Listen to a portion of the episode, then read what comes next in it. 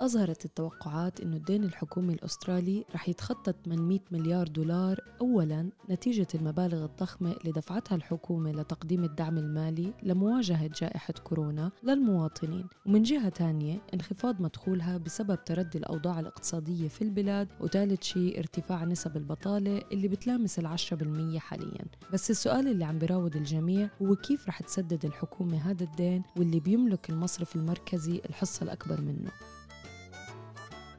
مرحبا معكم مرام إسماعيل من بودكاست لنحكي عن المال واليوم رح نحكي أنا والمحلل الاقتصادي عبد الله عبد الله عن الاحتمالات المتعددة اللي ممكن تستخدمها الحكومة لتسديد الدين العام كيف ممكن تأثر علينا نحن دافعين الضرائب في أستراليا. بس خليني أذكركم إنه كل اللي بنقال بهالحلقة هو على سبيل المعلومات العامة فقط وليس نصيحة خاصة.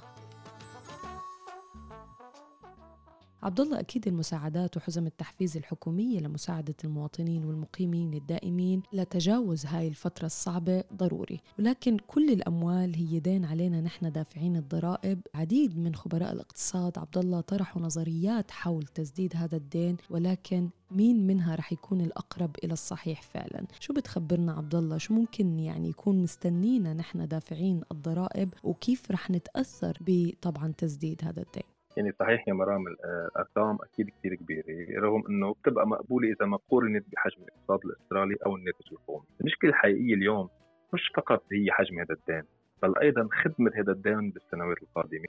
أي الفوائد المترتبة عليه هي اللي إذا ما انوضع لها خطة محكمة اليوم ممكن تزيد من حجم الدين بشكل كبير. والأمثلة من حول العالم كثير يا مرام من اليابان لليونان لايرلندا وللبنان على صغر حجمه.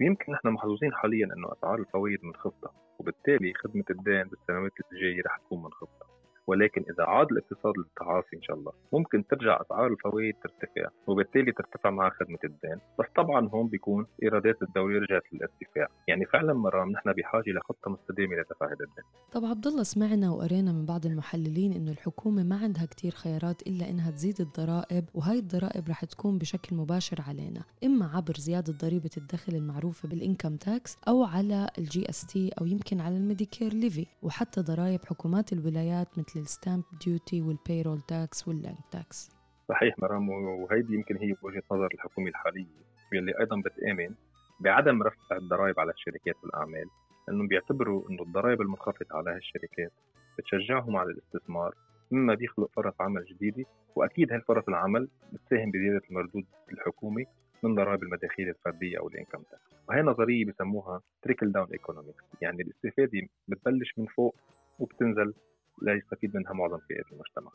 ولكن مرام في كثير من الاقتصاديين بشكوا بجدوى الحقيقية لهذه النظرية وهن ميالين أكثر لضرائب مرتفعة على الشركات. وفي باب ثاني عبد الله يعني وكان بالحقيقة مصدر جدل كبير خلال الانتخابات الفدراليه الماضية واللي كلف حزب العمال خسارة الانتخابات موضوع المديونية السلبية أو ال negative gearing وال capital gain tax concession وموضوع ثاني هو ال franking credits بس كيف نحن ممكن نتأثر بهاي الأمور عبد الله؟ صحيح يا مرام موضوع ال negative gearing هي بالمفهوم العام يعني خصم على الضريبة اللي بندفعها للحكومة على اثر خسارتنا من استثمار معين.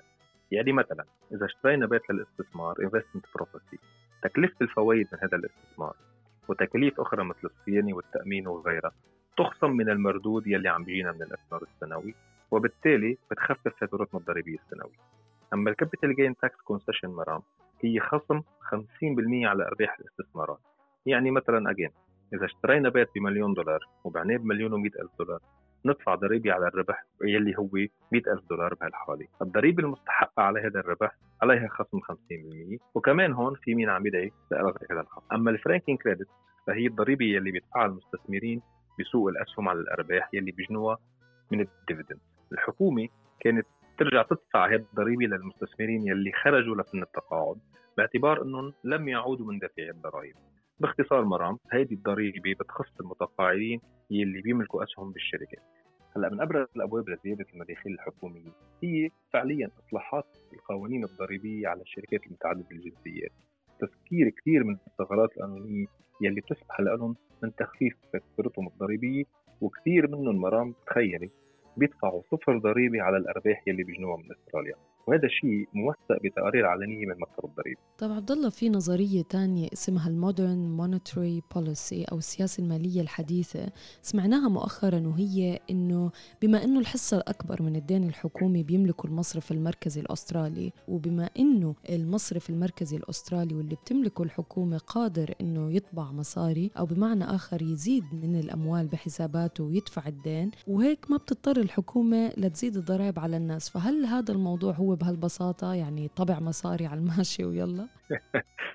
صراحة نظرية تستحق الدراسة مرام ولكن أكيد فيها في عقبات داخلية وخارجية بوجهها. أولا إنه المصرف المركزي مش قادر يتبع مصاري هيك قد ما بده أو بمعنى آخر غير قادر إنه يزيد الأموال بكميات كبيرة بالاقتصاد لأن هذا الشيء أكيد ممكن يؤدي للتضخم وخسارة العملة لقيمتها وخاصة أنه الدولار الأسترالي هو من العملات المتداولة بالسوق العالمي وأسوأ سيناريو ممكن يصير معنا مرام لا سمح الله هو تضخم بظل انكماش اقتصادي. يعني بنكون وقعنا بالفخ من المالبات هلا وثاني اعتبار هو اعتبار دولي. كون المصرف المركزي بيشتري هالدين الحكومي يعني بيشتري سندات وزارة المال يلي هي أيضا متداولة بالسوق العالمي. بظل النظام العالمي يلي نحن عايشين فيه خطوة مثل هي ممكن تأثر على سمعه هذه السندات بالسوق العالمية بالمستقبل.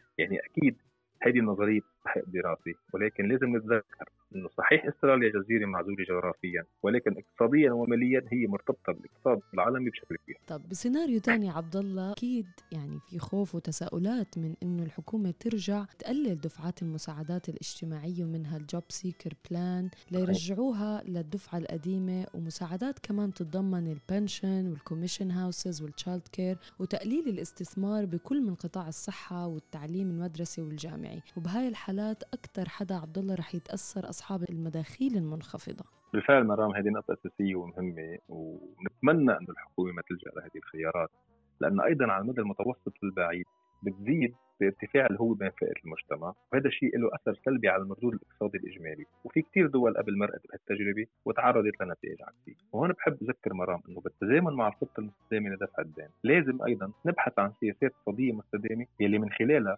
ممكن تخلق الحكومة أنواع جديدة من الاقتصاد بمجالات التكنولوجيا الخضراء مثلا. ليش لا؟ يعني رجعوا ضريبة الكربون مثلا وتستفيد من التطور التكنولوجي لزيادة الإنتاج بالقطاع الخاص.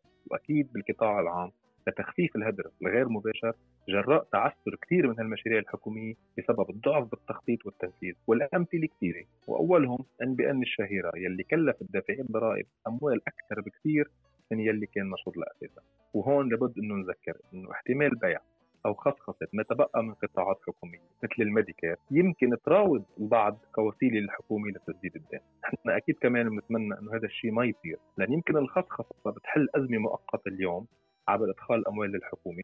ولكن أكيد ستزيد الأعباء على الأجيال القادمة يا مرام. أكيد العوامل متشابكة ببعضها ونحن بدورنا يعني كدافعين ضرائب من واجبنا إنه نتابع هاي التفاصيل ونشوف كيف آه، رح يحاول أصحاب المداخيل المنخفضة والمتوسطة وكل دافعي الضرائب يعني بشكل عام التصدي لتكاليف هذا الدين عليهم بعد انتهاء أزمة كورونا في أستراليا والعالم. أكيد تابعونا كل أسبوع مستمعينا لنخبركم عن آخر تطورات فيروس كورونا وتأثيره المالي والاقتصادي على حياتنا.